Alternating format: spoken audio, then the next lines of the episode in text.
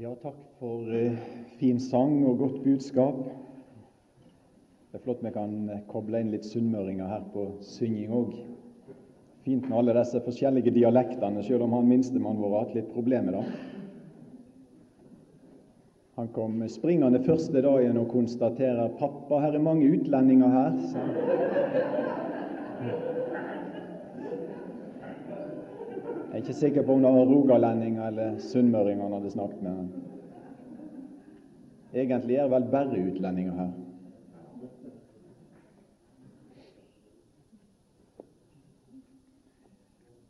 Tema for eh, timene mine er glimt ifra andre Mosebok.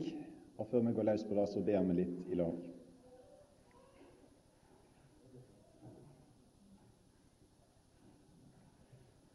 Gode himmelske Far, vi venner oss til deg i Jesu navn. Og så kommer vi inn for din nåde, truen enda en gang, og så ber vi om nåde. Vi ber at ordet ditt og anden din vil virke på oss, og vi merker at du er sannelig midt iblant oss. Og så ber jeg om å få lov å tjene. Amen.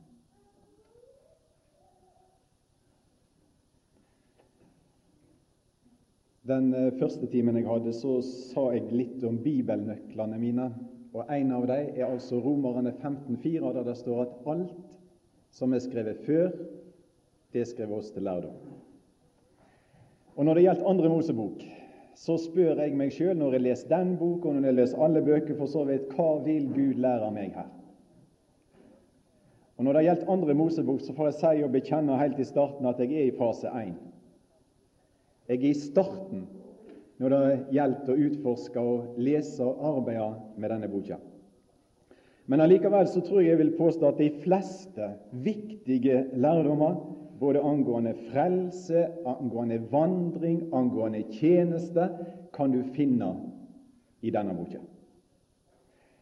Og hvis du bare hadde hatt Andre Mosebok Tenk deg da Hvis du bare hadde hatt Andre Mosebok og Den hellige ande, så skulle du ha kommet langt i forståelse av de åndelige sannhetene.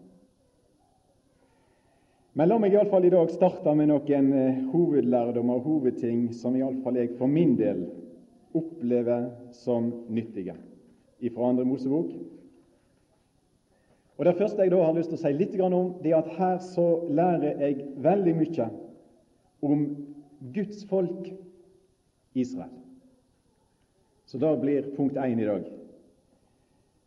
Og her er det vel egentlig at vi møter Guds folk som Guds folk for første gang. For før andre Mosebok så har du med enkeltpersoner å gjøre, du har med familie å gjøre. Og Det starter jo med, og Første Mosebok slutter med, og Andre Mosebok begynner med en familie på ca. 70 sjeler som kommer ned fra Kanan til Egypt. Og så leser du at denne store familien blir til et folk. Det er vel usikre på hvor mange, men kanskje to-tre millioner mennesker. Så Herren etter en stund fører ut av dette landet. Iallfall står det om mer enn 600 000 voksne menn over 20 år. Og Nå spørs det om de hadde så stor familie som meg, eller om de hadde en mindre familie. Det vet jeg ikke. Men i alle fall så regner det en to-tre millioner, tror jeg, de fleste, når det gjaldt folket som Herren førte ut. Og dette Herrens folk i Andre Mosebok møter vi i et mylder av ulike situasjoner. Det hadde helst ikke vært stoff til flere bibeltimer. De ulike situasjonene israelsfolket er i i Andre Mosebok. For det første møter du det i slaveri. Det starter denne boka med. I trelldom. Du møter dem bak blodbestengte dører. Du møter dem på vandring. Du møter det i oppbrudd, du møter det i ørkensand, du møter det på bunn av et hav, der der ingen vei var. Der åpna Gud vei. Der der aldri hadde gått et menneske, der går et helt folk. Så åpna Herren vei der der ingen vei var. Du møter deg ved Sinai i lyn og torden, og så forferdelig var det synet at Moses skal. Du møter deg rundt en gullkalv i ei uhyggelig gudstjeneste. Og den gudstjeneste var avgudsdyrking. Og da hadde den guden som førte det ut av Egypt, da hadde han blitt til en kalv. Dette er guden som førte oss ut fra Egypt. La oss holde høyt for Herren. Vi sier ikke la oss holde avgudsdyrking. Og så danser de vilt rundt kalven.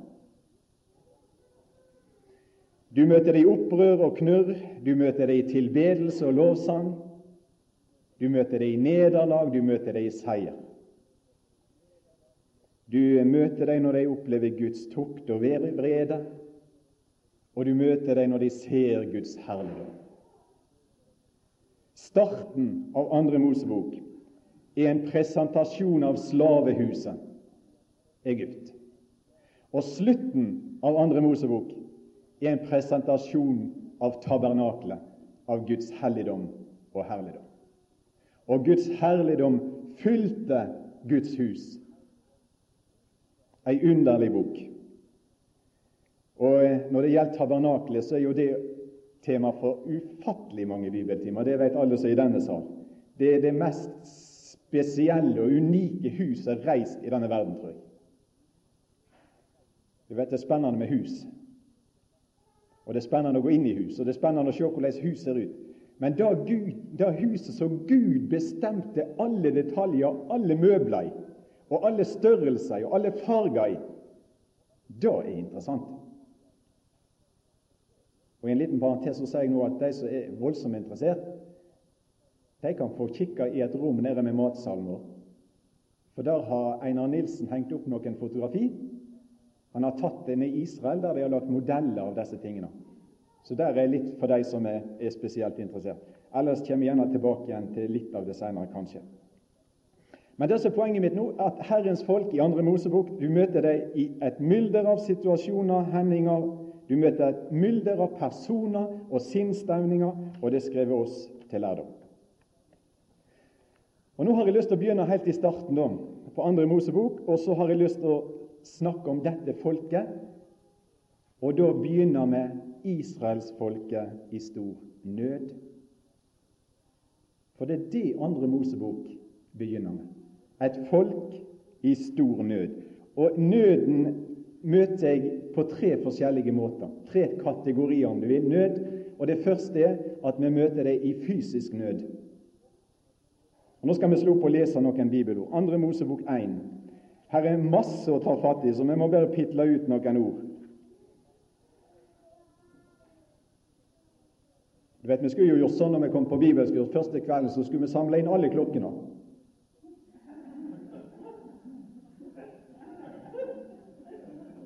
Og så skulle vi delt dem ut igjen søndags formiddag.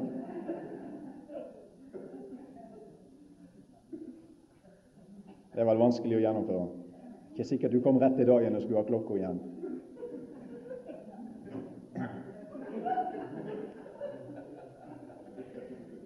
Men det jeg mener å si, er at her er så ufattelig mye stoff, og det er så masse å gå inn i her at vi blir jo aldri ferdig. Men nå skal vi lese kapittel 1 vers 11. Så setter de slavefuter over dem for å plage. Dette folket skal, folket skal plages. Dette folket skal ha det vondt. Så setter de slavefuter over dem for å plage dem med tvangsarbeid. De måtte bygge to byer for farao til opplagsstad Pitom og Ramses. 2.23. Da det hadde gått lang tid, døde kongen i Egypt. Israelsborna sukka og klaga over trelldommen sin, og ropet deira om trelldommen steig opp til Gud. Kapittel 3, vers 9. Skriket ifra Israelsborna har nå nådd opp til meg. Jeg har òg sett hvordan egypterne mishandla deg. Tror du det var godt? Det var så fælt at til slutt ble det bare et skrik ifra dette folket. Det var sånn enorm mishandling at det bare framkom et skrik. Og Hvis vi hadde lest i apostelgjerningene 7, så hadde vi funnet det samme i referert i en tale da, om hvor vondt dette folket fysisk sett hadde det i Egypt. Det hadde begynt veldig godt, når Josef eh, henta de ned, så plasserte han de i Gosen, og det var velstand. Men så kommer det en ny konge, står det i kapittel 1 vers 8. Kapittel 1 vers 8. Da kom det en ny konge over Egypt, og han kjente ikke til Josef. Og så starta elendigheten. Han kjente ikke til Josef. Og Så blir det forandringer, og så blir det hardt slavearbeid, og så blir det til og med dette forferdelige at eh, de sier at alle guttebabyer som nå skal bli født, de skal hives i, i Nil, i elven. Kan du tenke deg den situasjonen? Kan du tenke deg for en mor og en far og, og venter baby, og så henger der en dødsdom over deg. Og så blir det sikkert en god del bitte små martyrer allerede da. Det var ei vond tid. Og denne tida og, og situasjonen nå er sammenlignet med å være i en jernovn. Det er et uttrykk som er brukt. En jernovn. Femte Mosebok, første kongebok og Jeremias er det uttrykket brukt om tida i Egypt. Og Dessuten er slavehuset brukt ca. ti ganger, fant jeg ut. Altså denne tilværelsen for dette folket er sammenlignet med et slavehus. Og folket ser ut for å være helt uten evne og muligheter Jeg vet ikke om de hadde vilje engang til å komme seg fri. De ser ut som de er totalt lam, totalt hjelpeløse. Det ser ikke ut som du, du, du leser iallfall ikke om en eneste en som snakker om at vi skulle vært løse og komme oss ut herifra. Det ser ut som de blir holdt i ei jernhånd, og det er akkurat der de står òg og de er holdt i et jerngrep i dette landet og i denne situasjonen, og de er totalt hjelpeløse. Det er den fysiske nøden. Men så er det en annen nød, og det er den åndelige nøden dette folket er i. Og Hvordan var den åndelige tilstand jo israelsfolket nå i Egypt? Kanskje har du et glansbilde? Jeg må si jeg har fått noen bibelord her som har forandra litt, iallfall mitt bilde av israelsfolket i denne tida. Det var noen gudfryktige. Du leser om foreldrene til Moses, f.eks. Og du leser om noen jordmødre. Altså Gud velsigne sånne jordmødre. Så frykter Gud mer enn farao sitt påbud, og så lønner han dem òg for det. Så det var gudsfrykt iblant en del. Men folket som folk ser ut for å være i en trasig situasjon. Og Vi skal lese noen bibelord om det òg. Tredje Mosebok 17.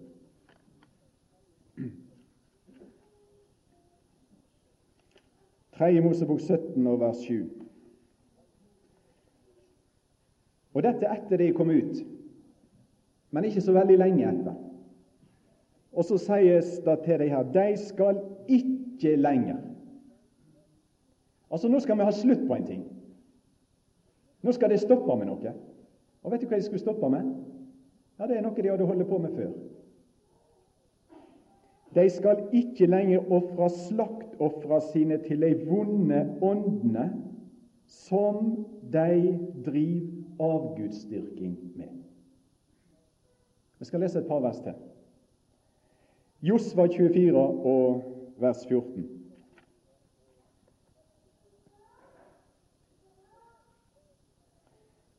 Så ha nå age for Herren og tjen Han i sanning og med truskap. Skil dykk av med de gudene fedrene dyrka på hi side av elva og i Egypt, og tjen Herren. Hva slags folk var dette? Ja, han Josva sier da her at dette her var avgudsdyrkere. Og Nå er det på tide at det skiller dere av med disse. og I apostelgjerningene også er det at til og med under ørkenvandringer så drasser de med seg avguder, dette folket, Guds folk. Og Så skal vi gå til profeten Esekiel. Profeten Esekiel.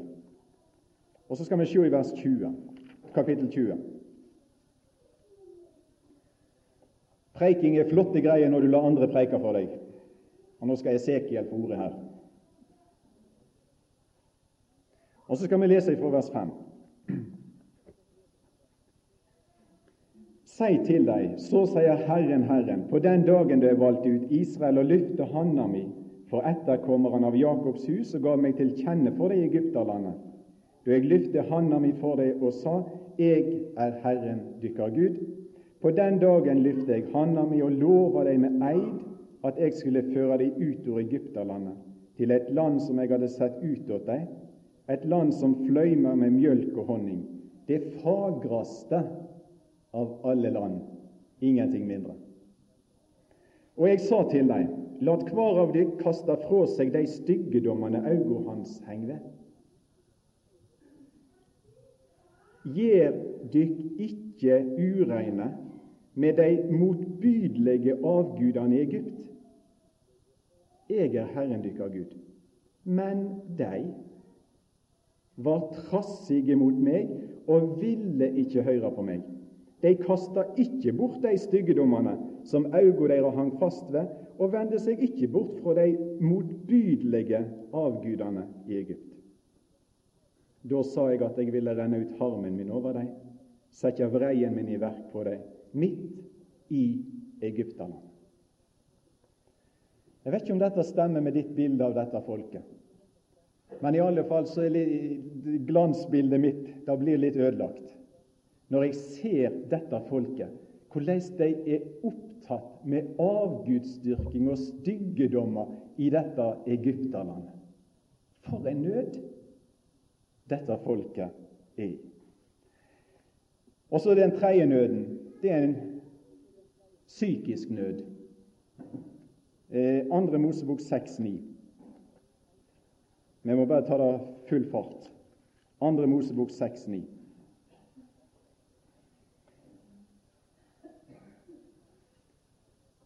Og Så står det i slutten på, på um, dette verset Men de hørte ikke på Moses, siden de var motløse og utmødde. Vi skulle vel hatt et kurs i nynorsk òg. Utmødde, det betyr vel trøtte. De var motløse, og de var utmødde av det harde trellarmet. De var skikkelig deppa. De var nedført.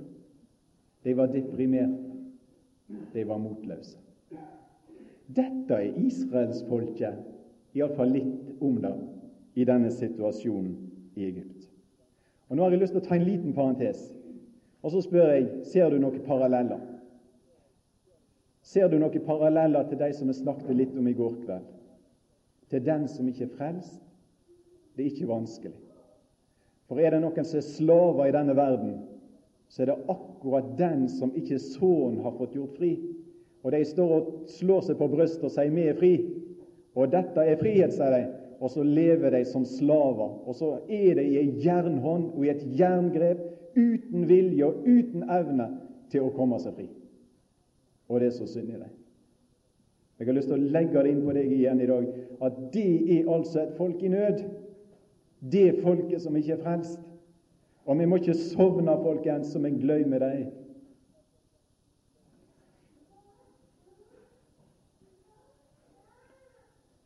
Og det er uten evne, uten ressurser, uten vilje til å komme seg fri.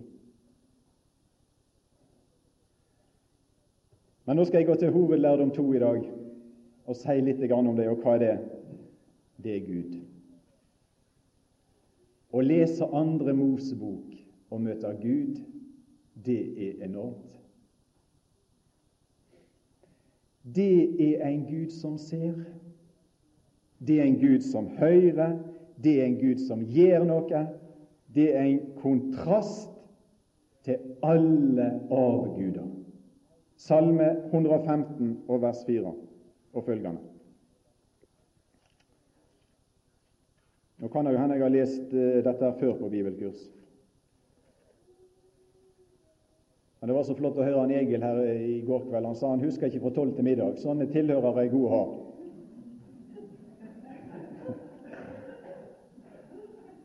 Da kan du si opp igjen samme tingene gang på gang. Salme 115 og ifra vers 4. Og så, står det, så presenterer Gud i ordet sitt avgudene. Det er skikkelig sak. Og så sier han Avgudene deres sølv og gull, et verk av menneskehender. De har munn, men taler ikke. De har øyne, men de ser ikke. De har øre, men de hører ikke. De har nese, men de lukter ikke. Hendene deres kjenner ikke, føttene deres går ikke. De har ingen røst i strupen. Men de har masse tilbedere. Og så står det som de sjølve er, slik vert de som lager dei, hver og den som setter sin lit til det. Hva er de? De er totalt hjelpeløse. Og hvordan går det med de som setter sin lit til dem? De er totalt hjelpeløse, de òg. Og Profeten Jesaja skildrer en situasjon da folket må redde avgudene sine. Har du hørt sånt? De som skulle hjelpe deg og vakte deg og redde deg, de måtte sjøl reddes. Og så sier Gud, hvem vil det ligne meg med? Er jeg sånn? Jeg sa båret dere, og jeg sa berga dere hele veien og skal gjøre det til dere får de grå hår. Vil det sammenligne meg med sånn, og hvorfor velger det sånne avguder?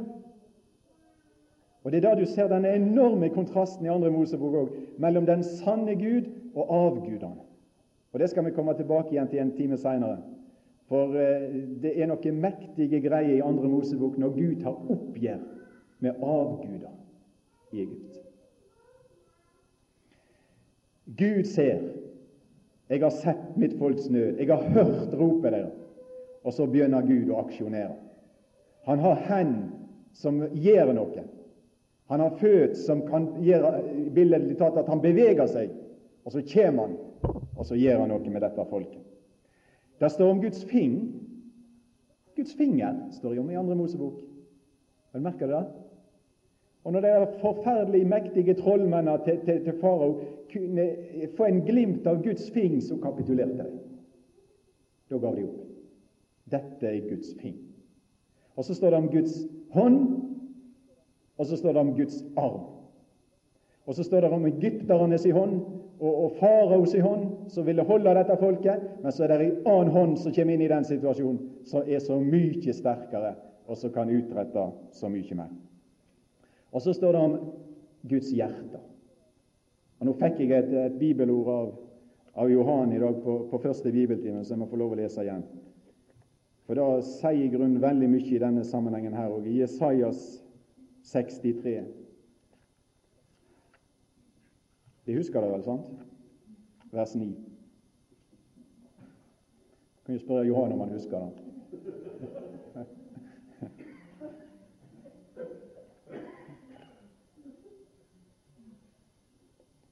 I alle deres trengsle var det ingen trengsel, og engelen fra hans åsyn frelste deg. I sin kjærleik og i sin store mildskap løyste han deg ut. Han tok deg opp og bar deg alle dager i den gamle tida. Og I min bibel står det under der så står det andre Mosebok 14. Og så står det andre Mosebok 23, andre Mosebok 32 osv. Men hør det som spesielt stanser meg i dag. I sin kjærleik og sin store mildskap løste han det ut. Det folket som hadde tutla seg bort i avgudsdyrking, og som var i en så ynkelig forfatning. Og så er det altså et hjerte i himmelen som forbarmer seg over dette folket, og så tar tak i det og så løser det ut. Guds hjerte kan du kikke inn i når du leser i Andre Mosebok. Og Guds trufasthet, fordi at han hadde lovt noe. Han hadde gjort en pakt med Abraham og Jakob og Isak, og den pakten svikta han ikke. Og hvis han skulle holde den pakten, så måtte han føre dette folket ut. Han hadde ikke noe valg. Han er trufast imot det han har sagt, og denne trufaste Gud møter du òg i Andre Mosebok. Han er stor. Og han ikke bare er stor, men det han gjør, er stort. Måten han berger utfrir dette folket på, er helt unik. Jeg har ikke lest noe lignende i noen annen bok, og ikke i noen verdenshistorie heller, hvordan ett folk blir tatt ifra én plass og løst ut og ført ut til et helt nytt liv og en ny tilværelse. Han bruker noen menneskelige redskap, og det er i første rekke Moses og Aron. Så bruker han sin makt på forskjellig vis. Han sender landeplager. Jeg har blitt så velsigna av de landeplagene skjønner, at jeg håper nesten jeg skal få en time om dem. For det er så masse flott når det gjelder akkurat de tingene der. der Gud demonstrerer at 'jeg er Gud overalt'. Jeg er Gud i vannet, jeg er Gud på bakken, jeg er Gud i lufta, jeg er Gud i himmelen. Og alle som vil, må se det. Og Samtidig så, så tar han fullstendig knockout på alle disse egyptiske avgudene.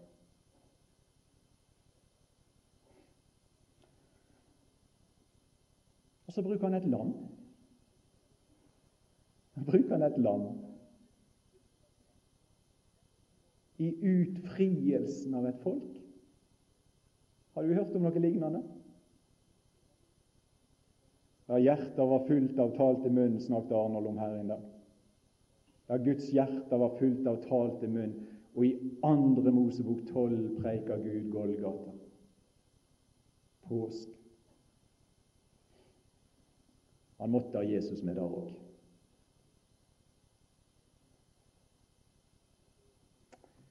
En stedfortreders død er en del av redningen for dette folket. Og så frir han der håpløse folk ifra jernhånda, ifra jerngrepet, ifra slavehuset. Trua kjem av forkynnelsen. Tenk igjen de ufrelste, og tenk denne Gud. Hva kan han? Hvor stor er han? Ofte har vi en så liten Gud, og derfor er vi så ofte bekymra. Av og til oppfører vi som om Gud er sjuk eller nærmest død. Men Bibelens Gud, han kan gi meg fred og trygghet og gjøre at jeg kan løfte hodet midt i all elendighet og midt i all, alt dette forferdelsene rundt oss i dag. Og så kan jeg se på Gud, sånn som jeg har hørt om før, og så kan vi smile. Guds millionærer er ikke som andre millionærer.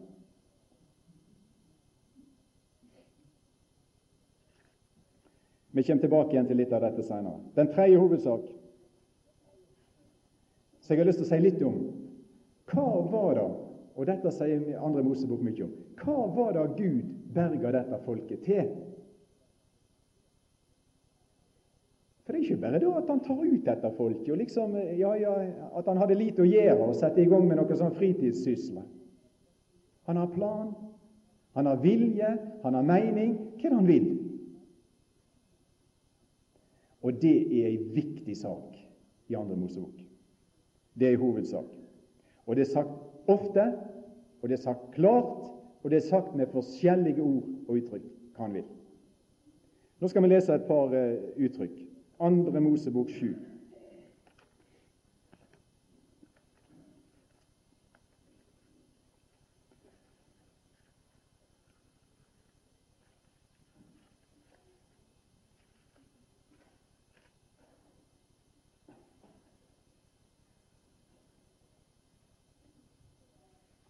Siste del av vers 16. Og Det er Moses og Aron som gir beskjed til farao og bringer Herrens bud til farao. Og så sier de i vers 16.: Lat folket mitt fare så de kan. Og så kommer hensikten, så de kan tjene meg i øydemarka. Kapittel 5 og vers 1. Deretter gikk Moses og Aron inn til farao og sa, så sier Herren Israels Gud, la folket mitt fare så de kan holde høgtid for meg i øydemarka. Femte Mosebok fire. Femte Mosebok fire og vers 20.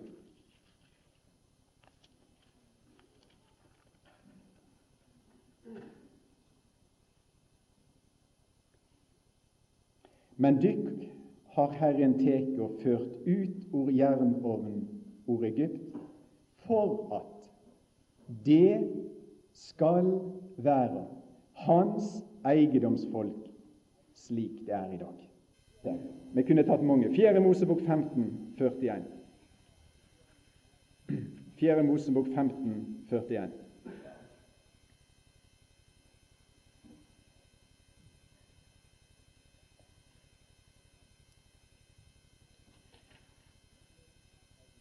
Jeg er Herren dykkar Gud, som førte dykk ut ord Egypterlandet, for å være dykkar Gud. Jeg er Herren dykkar Gud. Ja, jeg må få ta en til. Salme 114. Salme 114 og vers 1.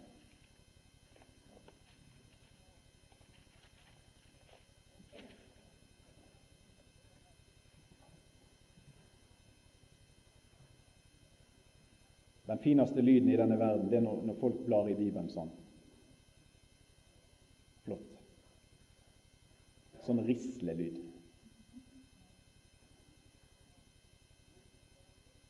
Da Israel drog ut av Egypt, da Jakobs ett drog ut fra et folk med framann tungemål, da vart Juda hans heilagdom.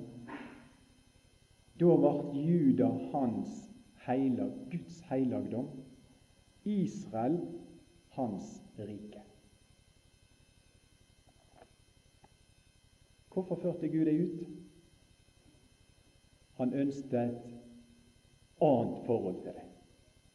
Han ønsket at de skulle være noe helt spesielt for han, og han ønsket at han skulle være noe helt spesielt for deg. Og da kunne ikke de trelle under en farao og leve slaveliv i Egypt. Han ville føre deg ut av den tilværelsen, og så ville han gi deg en ny tilværelse der han sjøl er i sentrum. Jeg vil være Gud for dere. Jeg vil være konge for dere. Jeg vil fungere for dere sånn som jeg ønsker. Og så tar han deg ut av denne situasjonen, og så setter han deg på fanget sitt, og så sier han nå skal det få med meg å gjøre. På en god måte. På en annen måte. Hvorfor frelste han deg? Var det liksom på slump og må få alltid sammen? Nei, du kan være sikker. Han hadde tanker, han hadde mening, han hadde en vilje. Og han ser, når han ser slavene, så ser han muligheter. Og så kaller han, og så roper han. Og så sier han nå må de komme her. Jeg vil ha deg som min eiendom. Jeg vil ha deg som min helligdom. Jeg vil ha deg som mitt folk. Jeg vil ha deg i mitt fellesskap. Jeg vil ha deg i mitt samfunn, jeg og du skal gå i sammen. Titus 2,14.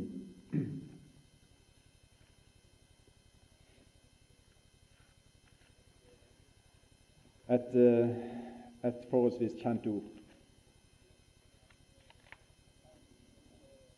Han som gav seg sjøl for oss, for å løse oss ut ifra all urettferd og rense seg et eiendomsfolk hvem som eier deg. Jeg er redd for at altfor mange kristne de regner at de eier seg sjøl. Privat eiendom. Det er feil. Totalt feil. Han kjøpte deg. Skapte deg, kjøpte deg, løste deg, frelste deg. Du er hans. Og hva ditt er, hegner du omkring, så frykter jeg for ingenting. Et eiendomsfolk, et som med ihuge, det betyr på norsk iver, gjør gode gjerninger. Og det er ikke noe surt og noe fælt noe. Det er noen som oppfatter det å tjene Gud, altså. Det er den verste straff du kan få. Men det er ikke vår erfaring. Men vår erfaring er at tjenesten og dette å få lov å gjøre noe for Gud, det er en av de kanalene som Gud bruker når Han vil berike oss og velsigne oss. Og når jeg skyfler ut, skyfler Herren inn, og hans skyffel er større enn min. Amen. Linus Sandell. Hans folk, hans eiendom, vil være Gud for oss, vil være mer enn det, han vil være far for oss. Et annerledes folk, et hellig folk, Guds helligdom er Guds folk. Kall oss til fellesskap. Gud er trufast, første kor 1 i. Han som kalte dere til samfunn med sin sønn. Ut av slavehuset, ut av jernovn, og så rett inn i dette der velsigna fellesskapet med Jesus Kristus. Det er det Gud har tenkt. Fellesskap, samfunn med sin sønn. Og 1. Korinterbrev 5,8. Der skriver Paulus òg til korinterne ei oppfordring, ei formaning. Så la oss da holde høgtid. La folket mitt fare fordi at de skal ut av slavehuset, og så skal de holde høgtid for meg, sa Herren. Og Her skriver Paulus til korinterne så lat oss da holde høgtid, ikke med gammel surdeig, ikke med surdeig av vondskap og styggedom, men med reinleiks og sannings usyrte brød. Og hvor lenge varer den høgtida? Du vet disse israelittiske høgtidene de hadde bestemte dager eller veker. Og så feirte de disse forskjellige høgtidene. Og så skriver han til, til korinterne La oss holde høgtid. Ja, hvor lenge varer den høgtida? Den varer ifra du er frelst, og så tar den aldri slutt.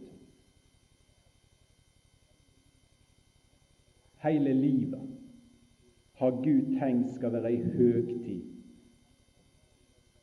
Og noe med det mest forunderlige av alt i denne skitne, låga været, det er da at du går an å ha høgtid hele veien når du lever med Gud. Men det er ikke godt med høgtid under han farao, skjønner du. Og disse piskene og slavefogdene og disse greiene her. Det var ikke mye høgtid da. Derfor måtte han rive dem ut og plassere dem en annen plass der han skulle være i sentrum. At det for Israel ble mer ørken enn høgtid, var ikke Guds feil.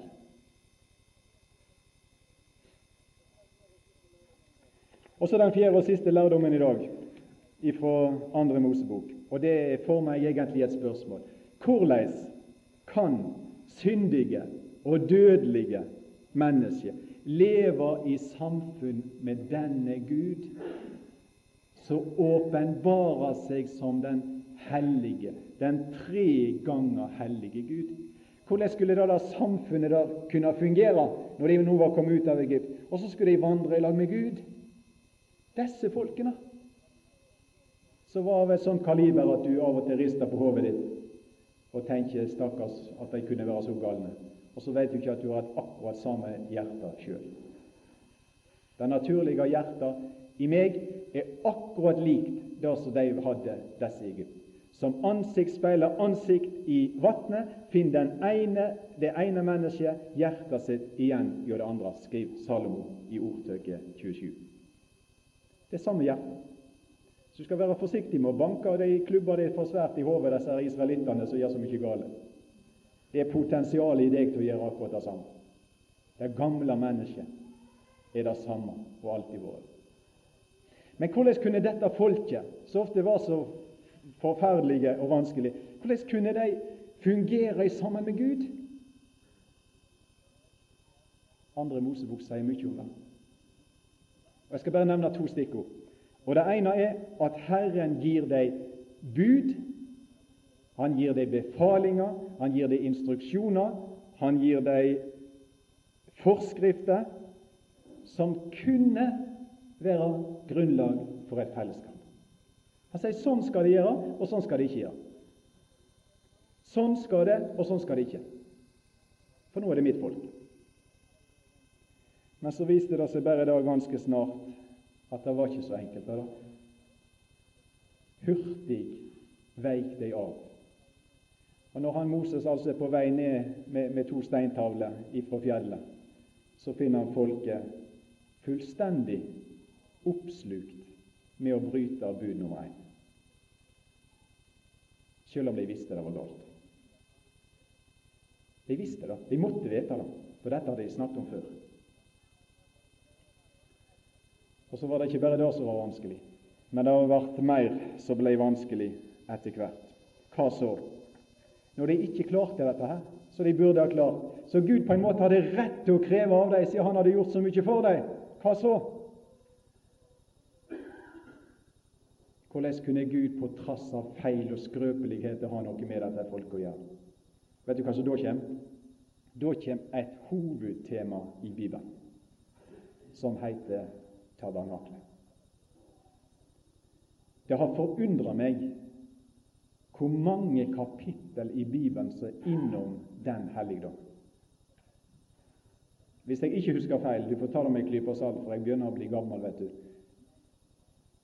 Men jeg mener det er nærmere 50 kapittel i Bibelen som er innom tabernaklet, eller har lærdommer som har med tabernaklet og gudstjenester der å gjøre. Og Så kan du tenke etter hvor mange andre temaer som får så stor plass i Bibelen. Det er et hovedtema i Bibelen. Og Der leste du om nådestolen, der leste du om ofringer, der leste du om forskjellige hellige gjenstander, og der leste du om gudstjenester, og der leste du om ofringer. Og der sa Gud 'Jeg vil komme sammen med deg der'. Jeg vil ha noe med deg å gjøre der. Ved nådestolen. Så altså var ei kiste, eller et låg på ei kiste, paktsarket, og nede der lå der altså to steintavler mellom annet.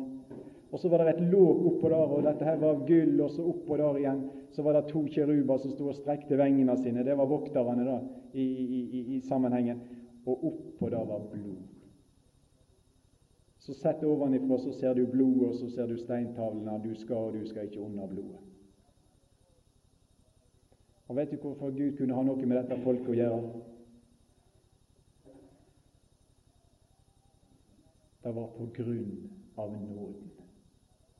Og nådestolen og blodet og forsoningen og offertjenester og alt dette her, som pekte framover mot én en eneste ting den Herre Jesu Kristi død oppstandelse. Og fordi dette var plassert midt i denne leiren, så kunne Gud ha samfunn med dette folket, på trass av alt. Så får jeg spørre til slutt i dag Hva er det med deg? Hva er det med oss? Ja, vi veit vel hva som er rett, veit vi ikke det? Vi veit vel hva vi bør. Er du fullkommen? Når du opp til målet? Ja, hvis du skal være fullkommen, så skal du leve sånn som Jesus levde. Altså, der er lista. Så skal du tenke sånn som han tenkte, og så skal du tale sånn som han talte, og så skal du gjøre sånn som han gjorde, og så skal du ikke gjøre det som han ikke gjorde. Vær sånn. Det, det er beskjeden hvis du vil være fullkommen holdt loven. Jeg kunne jo ta en håndsopprekning hvor mange som aldri har tenkt en skeiv tanke. Hvor mange som aldri har en forsømmelse, aldri har en svikt.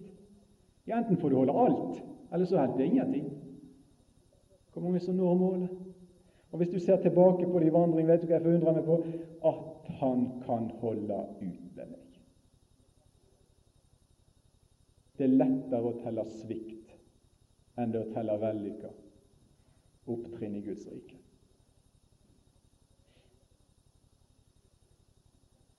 Hvor kan han likevel ha fellesskap med meg? Nådestol. Jesu død, Jesu liv, Jesus. Hele hemmeligheten hele nøkkelen. Han tabernakla iblant oss. Han tok bolig iblant oss. På grunn av Han kan Gud smile til meg. Evangeliet i andre Mosebok. Flott. Godt. Amen. Vi tar fem minutter pause. Eller ti. Vi har at